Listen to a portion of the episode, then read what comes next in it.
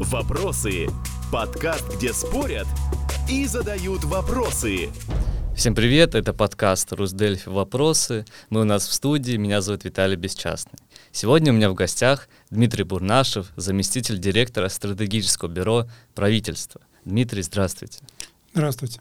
А можете ли вы сказать, а, какая стратегия у Эстонии, куда она движется вот прямо сейчас? Очень хороший вопрос. А если мы говорим об Эстонии, э, вот непосредственно смотрим внутриполитически, то наша главная стратегия — это Эстония 2035, э, документ достаточно свежий, который а, описывает, чего мы хотим добиться, в каком направлении мы двигаться должны, что для этого всего необходимо. А если мы смотрим Эстонию в контексте Европейского Союза, то ну, в Европейском Союзе главные приоритеты, которые на сегодняшний день есть, это так называемый зеленый и э, дигитальные переходы. То есть, в принципе, трансформация, сделать нашу экономику, сделать нашу жизнь такой, чтобы это, э, чтобы ничто не угрожало жизни будущих поколений с точки зрения окружающей среды. Но с точки зрения э, дигитализации, соответственно, то есть сделать так, чтобы мы могли э, в полной мере наслаждаться теми благами, которые 21 век предоставляет. Угу. Ну, есть ли какие-то, если говорить про внутренние дела Эстонии, каких-то три, может быть, там несколько основных направлений, вот куда нужно нам обратить внимание, особенно если, я как понимаю, в Евросоюзе это окружающая среда и компьютерные технологии, дигитализация, то в Эстонии что? А, на самом деле, когда мы эту стратегию составляли, а, то вот эта стратегия Эстонии 2035 от многих других стратегий отличается тем, что здесь было вовлечено достаточно большое количество людей. То есть там еще шел на десятки тысяч условно говоря, те, вот, кто так или иначе поучаствовали в этом процессе. А, и как, если посмотреть на то, что люди говорили, то есть что было наиболее важным для людей, тогда это был год, если правильно помню, 20 то есть еще 19-20 то есть еще до а, начала пандемии наиболее активное участие, а, тем более до начала вот нынешних кризисов, которые вот мы видим на сегодняшний день, то для людей, для людей на первом месте всегда стоял вопрос безопасности – Помимо этого, э, вопрос э, ну, свободы Эстонии точно так же очень многих волновал, а также вопросы, связанные с окружающей средой природы, то есть сохранность эстонской природы, а, и вообще, в принципе, чтобы вот, ну, то, чем мы наслаждаться можем сегодня, то, чем мы наслаждались в детстве, чтобы наши дети и дети их детей могли наслаждаться этим тоже в своем детстве, в будущем когда-нибудь. Это вот были первые моменты. Были определенные различия в том смысле, что эстонская часть населения больше говорила о безопасности и о, о свободе страны. А русскоязычные жители, которые отвечали на вопросы, там, среди прочего, появлялись вопросы еще а, экономического благосостояния и, помимо этого, вопросы здоровья. То есть они приоритетнее как будто бы были для русскоговорящих? А, среди приоритетов назывались и эти слова. То есть у эстонской части населения ну, приоритеты были вот а, более сфокусированы, у русскоязычной части населения появились дополнительные ключевые слова. То есть таким образом. Если мы посмотрим на стратегию Эстония 2035, то в принципе она пытается достаточно сбалансированно а, все вот эти темы а, как-то обрисовать. То есть там и вопрос того, что нам нужно делать вот с человеком в самом широком смысле, то есть какие вызовы стоят, что необходимо. А там вопрос э, стоит и в том, э, что нам с обществом в целом надо делать. Экономика, окружающая среда, э, госуправление. То есть э, ну, вот, разные области. Э, там э, есть такие таблицы, вот как э, я посмотрел просто эту стратегию. Есть разные коэффициенты, разные показатели. А, например, там есть, что а, процент тех, кто за, находится за, а, в, в, в группе тех, кто там в относительной бедности, или как-то так это переводится, что их должно сократиться. То есть это какие-то конкретные все-таки цифры должны быть. Абсолютно, абсолютно верно. То есть разных показателей мы отслеживаем там порядка 40, там чуть больше в рамках этой стратегии. То есть пытаемся очень комплексно подходить к тому, вот как э, развитие страны смотреть. Uh-huh. И там действительно есть, то есть на сегодняшний день, да, к сожалению, вопрос бедности он в Эстонии стоит все еще. То есть по этому показателю мы далеко не там находимся, где мы хотели бы находиться. А, помимо этого, другие вопросы, ну, там, допустим, вопросы производительности труда. А, там общее, то есть общий подход он какой? Чем выше производительность труда в Эстонии в среднем, тем, соответственно, больше мы можем зарабатывать на, вот, на единицу работы, тем, соответственно, лучше мы будем жить. Uh-huh. У нас там есть показатели, мы хотели бы превысить э, средний по Европе, пока что нам еще этого достичь не удается. Ну вот э, эстоноземельцы говорили, что для них важна безопасность. Как э, этот параметр измерить? А, там на самом деле был целый ряд вещей, то есть э, ощущение людей э, собственное, то есть как они ощущают, чувствуют они какую-то опасность или нет. Это касалось и э, ощущения, что называется, внутри Эстонии. А может ли человек выйти на улицу э, вечером погулять, или он не может это сделать, или он боится.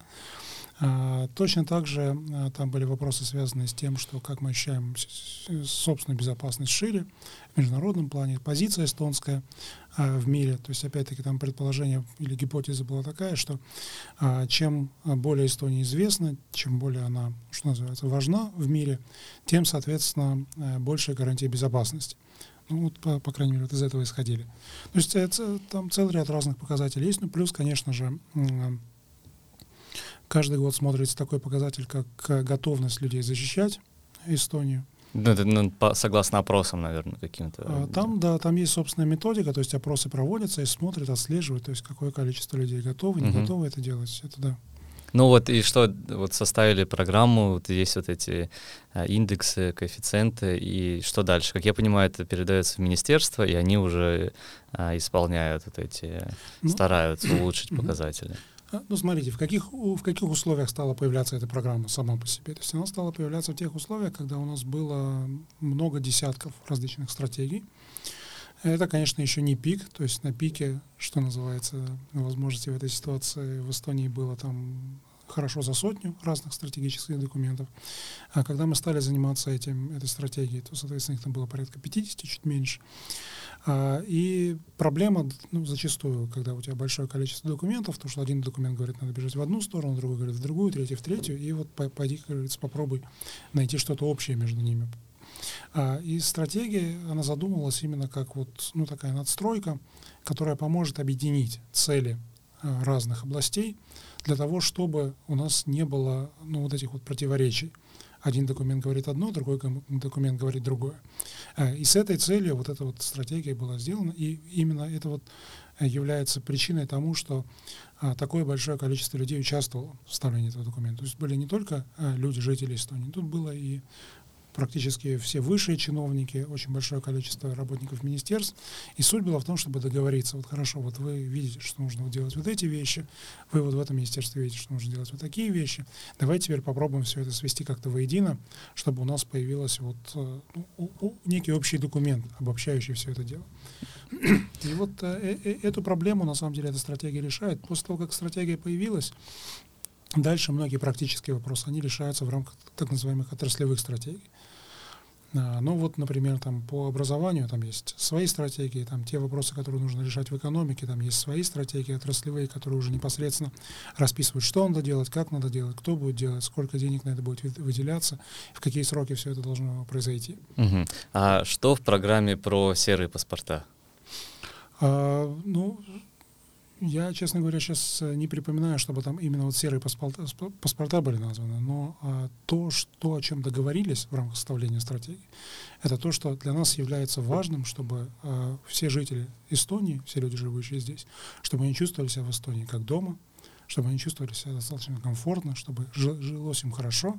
И в этом смысле необходимо создавать все условия для тех людей, которые, допустим, на сегодняшний день гражданами Эстонии не являются, необходимо создавать все условия для того, чтобы они могли стать, если они сами этого пожелают. То есть там и все курсы языковые, э, курсы необходимые там для экзамена на гражданство, э, опять-таки, вопросы трудоустройства. трудоустройства Участие в выборах э, местных Участие самоуправлений. ну, по большому счету, да, то есть э, создание всех условий для того, чтобы у людей, которые хотят в большей степени связать свою судьбу с Эстонией, в том числе с точки зрения гражданства, чтобы у них такие возможности были. Угу. А что с русскоязычными школами? А, ну, опять-таки, здесь речь идет а, то, то, о чем удалось договориться в рамках этой стратегии, это то, что а, важно, чтобы у всех людей были одинаковые стартовые возможности. И на сегодняшний день, опять-таки, если мы смотрим на то, что в обществе происходит, человек, который по какой-то причине, по каким-то причинам не владеет эстонским языком, ему объективно сложнее устраиваться на работу, ему объективно у него меньше выбор с точки зрения образования.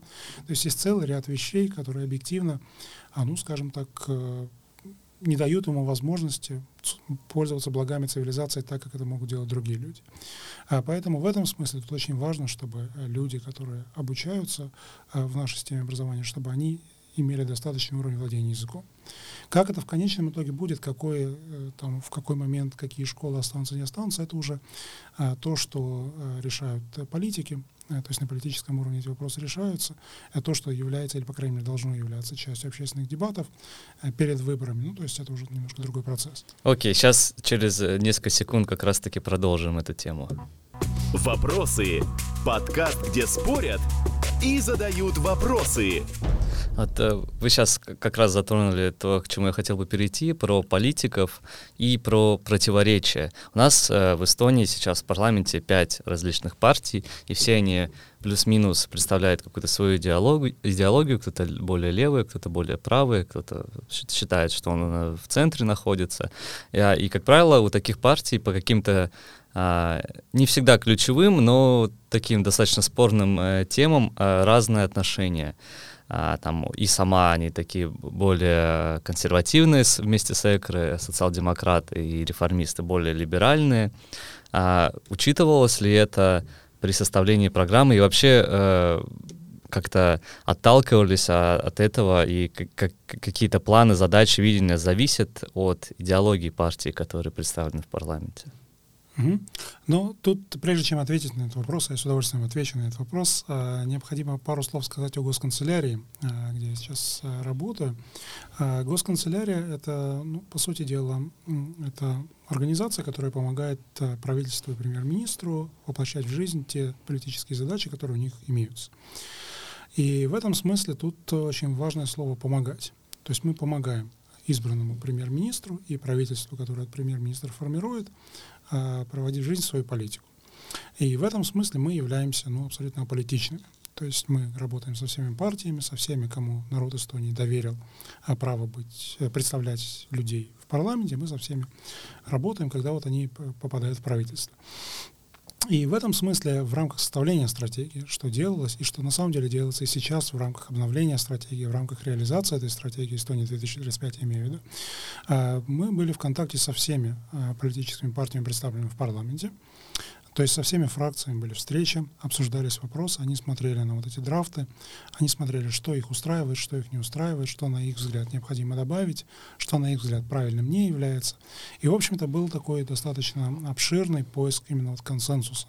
То есть какие вещи, о чем мы должны говорить, чего мы, к чему мы должны стремиться, и, соответственно, такие ну, скажем так, те вещи, которые по каким-то причинам абсолютно точно не подходили, те вещи вот они ну или формулировались как-то более э, обтекаемо, э, либо они просто-напросто не попали в итоговые тексты.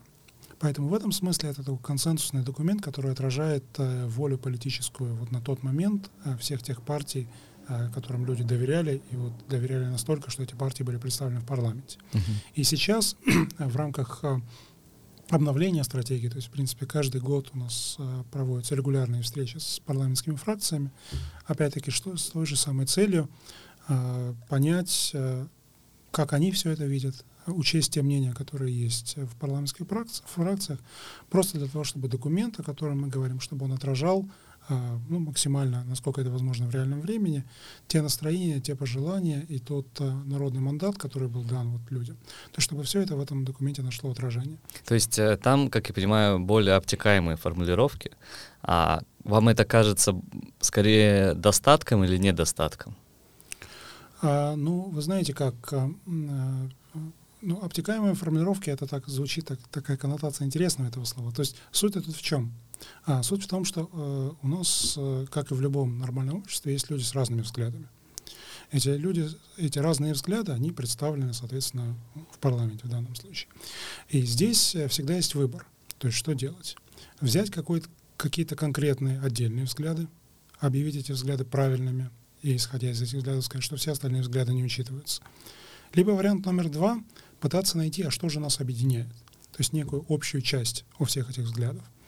И, э, безусловно, если мы сравним а, вот а, то, что мы возьмем какой-то один конкретный взгляд на жизнь, возведем его в абсолют, то, безусловно, это может получиться что-то очень яркое, конкретное, четкое и просто вот Но проблема в том, что этого, э, это не будет разделять очень большое количество людей. То есть это, если это, допустим, будет стратегия построена на вот таком вот единичном взгляде, общественный, мы сейчас говорим об, об общественных стратегиях, мы не говорим о бизнес-стратегиях, там ситуация немножко другая. Но если в таких общественных стратегиях мы возьмем конкретный взгляд какой-то узкой э, группы, мы можем получить очень яркий документ. Действительно, он будет яркий, красивый, там все будет четкий, понятный. Четкий, понятный, да. Можно будет, что называется, к звездам лететь с этим документом. А, но проблема в том, что для многих он останется чужим это будет не их документ. Поэтому приходится искать вот эту вот консенсусную, вот эту вот общую часть, а, то, с чем мы все можем в какой-то степени согласиться, хотя бы в какой-то степени согласиться. По крайней мере, мы не будем против. И таким образом, да, эти формулировки получаются не такими яркими, безусловно, если мы будем читать стратегию на сегодняшний день. Там документы далеко не такие яркие, как можно найти, допустим, в какой-нибудь э, в предвыборной кампании отдельной партии, например. Но, тем не менее, это вот та самая общая часть, это то, что нас объединяет. А, и вот в этом плане я думаю, что это очень большой, большой плюс этой стратегии, что здесь вот именно эта общая часть э, приведена. И таким образом мы имеем возможность вот делать именно те вещи, которые мы знаем, что будет поддерживать э, очень большая часть жителей Эстонии. То есть для них это не будет Вопросы. Подкаст, где спорят и задают вопросы. Не знаю, помните, не помните, может быть, э, вспомните. Если нет, ничего страшного. Вот когда Кая Калас пришла правительство после и, и сама Экры центристов э, в январе 2021 года, если не ошибаюсь. А какие изменения были внесены? Вы знаете, больших изменений на самом деле не нужно было. Просто по той причине, как мы уже говорили, эти все э, документы, они были согласованы в парламентских фракциях. То есть, по большому счету, политики, те, кто были у власти до этого, те, которые пришли к власти после, они все это уже все видели. То есть для них в этом смысле ничего такого принципиально нового там не было. И поэтому каких-то серьезных изменений, каких-то серьезных изменений речи не шло. И по, именно по этой самой причине мы продолжаем диалог со всеми политическими okay, партиями, понятно, чтобы да. вот... А теперь хотелось бы поговорить э, э более так обширно э, с вами, как с человеком, который изнутри видит, как происходят э, все процессы на всех уровнях, вы со всеми общаетесь. А в Эстонии где-то каждые полтора-два года а, меняются правительства. А, так было всегда. За последнее время, по крайней мере, эта статистика точно такая. Там, во время Ансипа, наверное, было пореже. А, эта смена правительства как-то а, меняет а, вектор развития Эстонии? Это влияет как-то на внутренние процессы? Такая частая смена, она, может быть, вредит или, наоборот, э, ее не замечают в министерствах? А, ну, смена правительства в данном случае, опять-таки, то есть учитывая наш совершенно политичный статус, то есть для нас смена правительства просто означает, что могут прийти новые люди, и, соответственно, мы должны вот э, помогать этим новым людям делать то, на что народ э, свое, за что народ свои голоса отдал. А, чисто технически, э, как правило, для нас это означает то, что ну, то есть вот помимо стратегии Эстонии 2035, которая вот является краеугольным камнем стратегического планирования в Эстонии на сегодняшний день, а важный документ, который мы за ним, важная функция, которая у нас есть, это помощь правительству в э, планировании его деятельности. Э, есть так называемый, есть такой документ, называется он «Программа действий правительства», такой документ есть у каждого правительства, и суть его в том, что как только а, заключается коалиционный договор, на базе этого коалиционного договора составляется уже более подробная программа. Ну, то есть, например, там, в коалиционном договоре сказано, что вот, э, мы должны, я не знаю, поддерживать обороноспособность Эстонии, и, соответственно, вот в следующем документе, в программе правительства, в плане действий правительства, а там уже э, расписываются конкретные задания. То есть что для этого необходимо делать, кто это будет делать, в какие сроки будет делать, кто ответственен и так далее. А, и вот а, такие документы, они составляются для каждого правительства. То есть а, чисто технически это означает, то, что когда приходит новое правительство, то появляется необходимость составлять новый план и позже уже смотреть за а, реализацией этого плана. Это вот чисто технический аспект. В остальном то, что правительство меняется, ну, это часть демократического процесса. То есть в этом смысле тут всегда возникает вопрос, чего мы хотим, а, того, чтобы правительства менялись или чтобы правительства, наоборот, никогда не менялись. То есть чтобы была ст- стабильность, да, или, или свобода. А, ну, то есть тут уже кому как нравится. Я так понимаю, что у нас все-таки есть э, консенсус в том плане, что нам нравится, когда правительства меняются. То есть, Вы серьезно так думаете? А, ну, а вы, а как на ваш взгляд? А, ну, мне сложно сказать, потому что я не очень хорошо знаю, как работает там какое-нибудь министерство, и поэтому а, я одну мысль интересную услышал, что у нас министры очень часто меняются, кто-то там а, в отставку уходит даже, вот а, министр культуры у нас несколько раз поменялся из центристской партии, а, и, ну, министерство, как я понимаю, это такая большая достаточно организация, серьезная, их не так а, много, меньше намного, чем департаментов каких-то, и когда приходит э, самый главный руководитель э, на раз в полгода меняется, то мне кажется, для коллектива и вообще для какой-то оперативной деятельности это не всегда хорошо, потому что новому человеку нужно а, привыкнуть еще к месту, узнать всех, понять, как здесь все работает, а другому нужно передать эту э, власть, и вот это все пока меняется, а, и может быть какие-то на какие-то моменты э, там, министерство не успевает быстро реагировать, потому что еще самый главный не смог разобраться в вопросе или не смог никак а, повлиять на это э, только из-за своего неосведомленности еще, потому что он только вот пришел. Понятно, да, я просто поясню последний мой комментарий относительно того, что вот нам больше нравится, что правительство меняется. Он был э, с точки зрения, э, что называется, среднего жителя Эстонии, и что если выбирать между тем, что вообще не меняется или меняется, то мы выбираем в пользу меняется. Я скорее об этом говорю. А то, что вы сейчас сказали, что а, когда руководитель в организации, по большому счету, ну, министр, он а, высший руководитель а в министерстве, когда руководитель меняются часто, то у этого, с этим связаны определенные проблемы, безусловно. Технического плана проблемы там есть, действительно людям нужно время на то, чтобы ознакомиться со всеми темами, министерству необходимо время для того, чтобы а, ну, скажем так, лучше понять приоритеты конкретного министра в политическом плане, что его больше всего интересует. А, безусловно, возник, могут возникнуть часть вопросов ну, в отношении того, что какой-то, допустим, какие-то изменения планировались, тут пришел новый министр, и в какой-то момент, может быть, не до конца понятно, эти изменения мы идем с ними дальше, а, либо же а, теперь нужно что-то там переделывать. То есть, э, безусловно, да. То есть, если мы говорим исключительно с точки зрения функционирования организации, угу. то определенные периоды стабильности, они, безусловно, важны. Но в, то, в то же время у нас э, Эстония достаточно хорошо развивается, я думаю, это все, все замечают, все граждане страны, а, и один из политиков э, мне как-то сказал, что ну, министры часто меняются, а вице-канцлеры или канцлеры остаются, и можно к такому выводу прийти, что канцлеры на самом деле руководят министерством и отвечают за какой-то вот э, такой э, за важные задачи, а министр более такая представительская политическая должность, которая уже какие-то там э, детали корректирует. Согласны ли вы с этим? А, ну, смотрите. Значит, министр и канцлер — это оба, в общем-то, высшие руководители. А, разница их принципиальная в том, что министр — это фигура чисто политическая, то есть так как сложится политический консенсус, такой у нас появляется министр, а канцлер, он в этом смысле фигура немножко более техническая. То есть канцлер, да, он, безусловно, он, скажем так, высший административный э, руководитель министерства. Он отвечает за то, чтобы министерство функционировало, за то, чтобы министерство исполняло свои функции так, оно должно это делать, максимально эффективно и так далее. А, министр, он в этом смысле человек, который определяет а, политические приоритеты. То есть он говорит о том, что хорошо, наша политика вот такая вот, для нас важны вот эти вот эти вот вещи, мы должны вот этого добиться. И дальше канцлер, его задача уже, э, ну, скажем так, организовать министер, работу министерства таким образом, чтобы эти политические, этих политических приоритетов мы добились.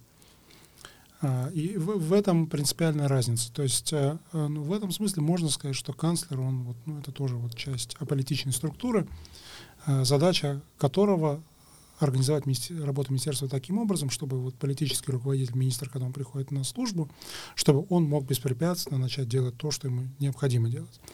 Поэтому в этом смысле э, говорить о том, что канцлеры управляют, канцлер управляет министерством безусловно. И, безусловно, у них есть определенная роль в том, что вот когда идет подготовка решений правительства, у них, безусловно, есть своя роль в этом вопросе.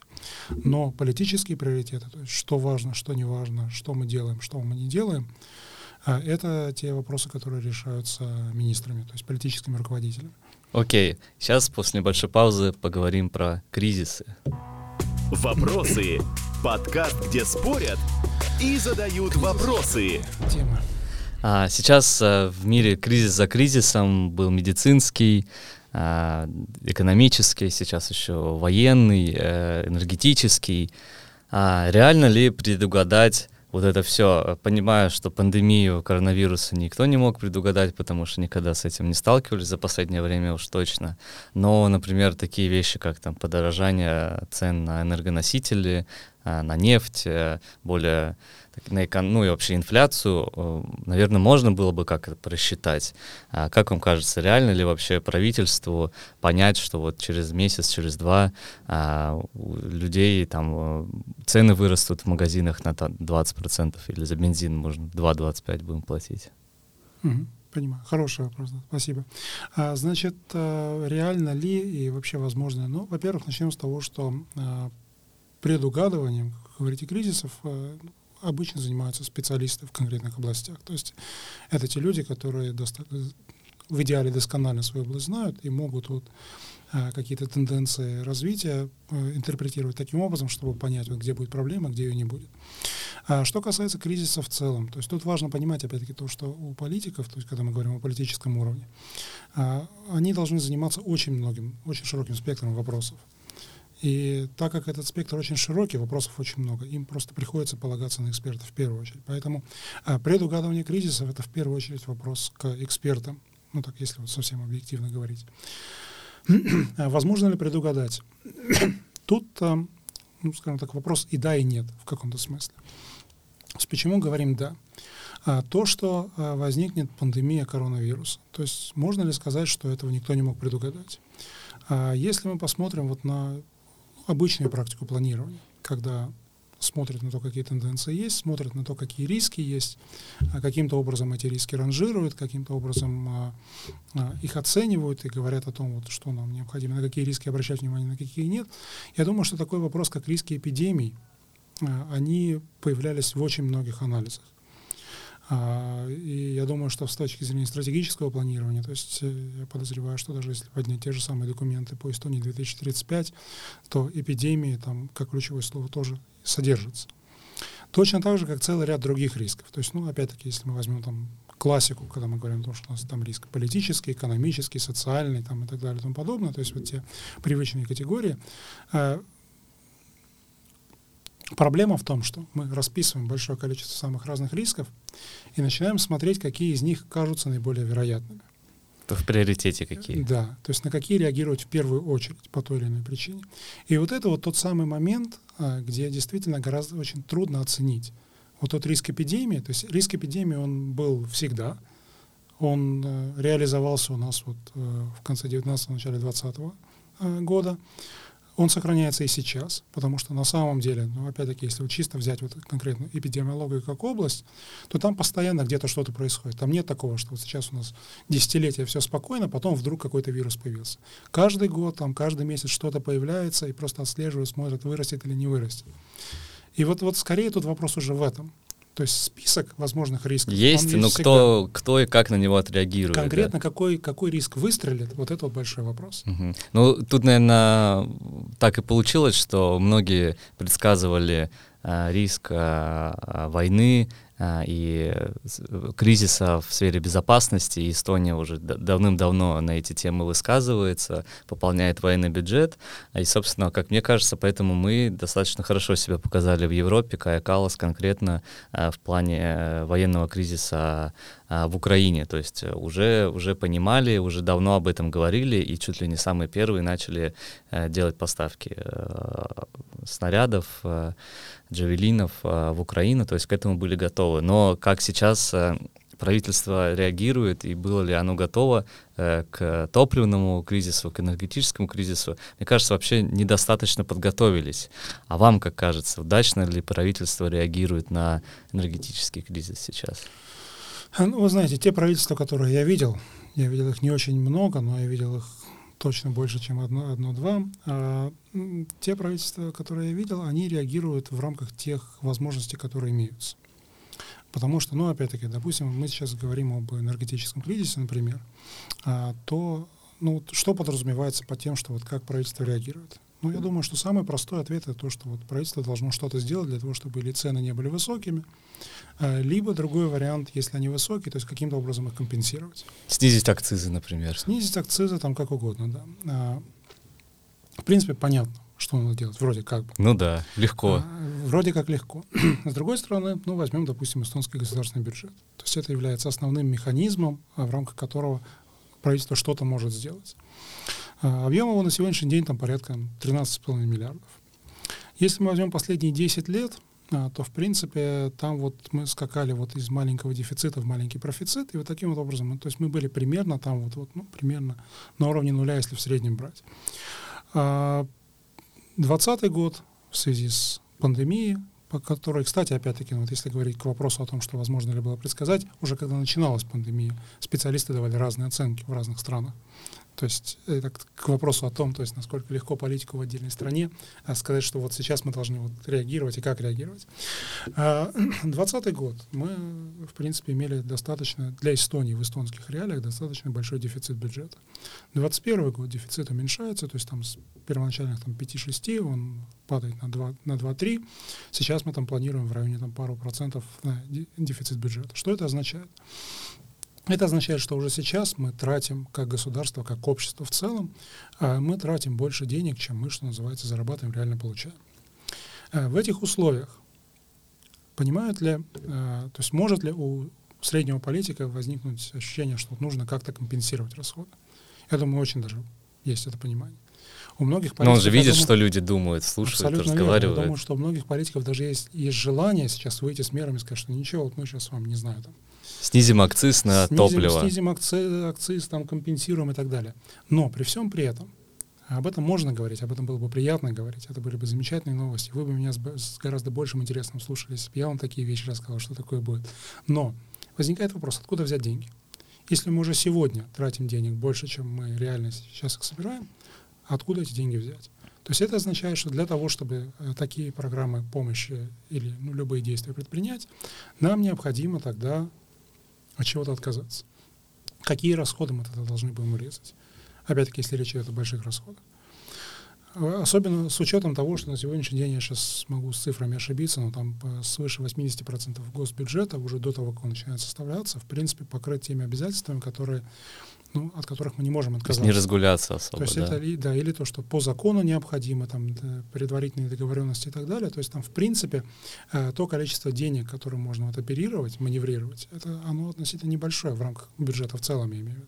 Так, конечно, для отдельного человека сумма в миллиарды — это очень большие суммы.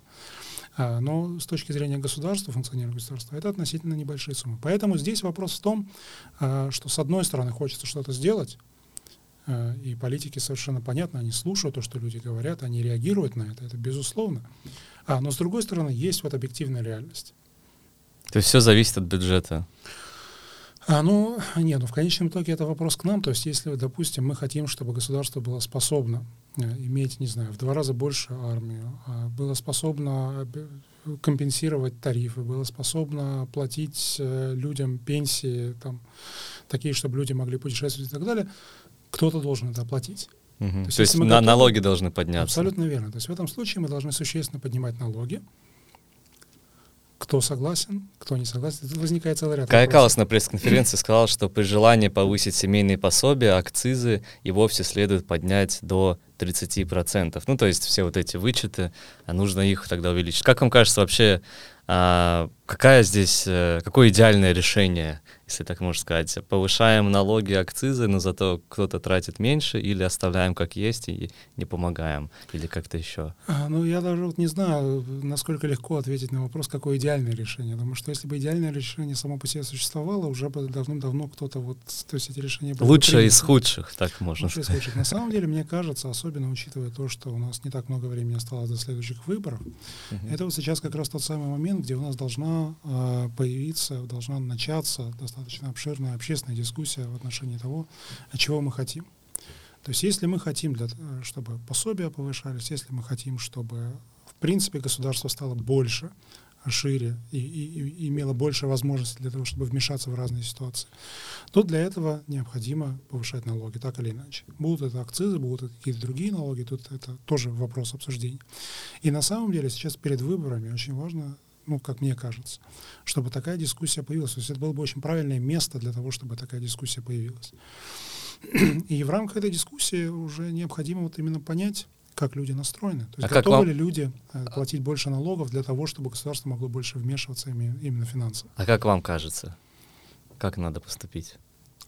А, ну, вы знаете, как вы меня спрашиваете, как, как кого? Если ну просто как, как гражданин Эстонии как гражданин с высшим Эстонии, образованием. Я думаю, что я вот когда услышу те идеи, которые могут быть на этот счет, я вот с удовольствием в виде своего голоса отдам предпочтение одной или другой идее. Мне сейчас трудно ответить на этот вопрос, потому что, ну опять-таки, если я чисто с личных позиций смотрю на это дело, а с одной стороны, да, безусловно, было бы неплохо, чтобы государство что-то компенсировало в большей степени. То есть ну, те же самые цены на электроэнергию, они, по мне, опять-таки, если я лично о себе говорю, по мне они тоже бьют и бьют достаточно существенно. А, но с другой стороны, э, если для того, чтобы это сделать, будут повышены там определенные налоги, то я уже начну считать, где я теряю. Был ли смысл, да? Да, то есть тут, тут, тут такого рода вещи.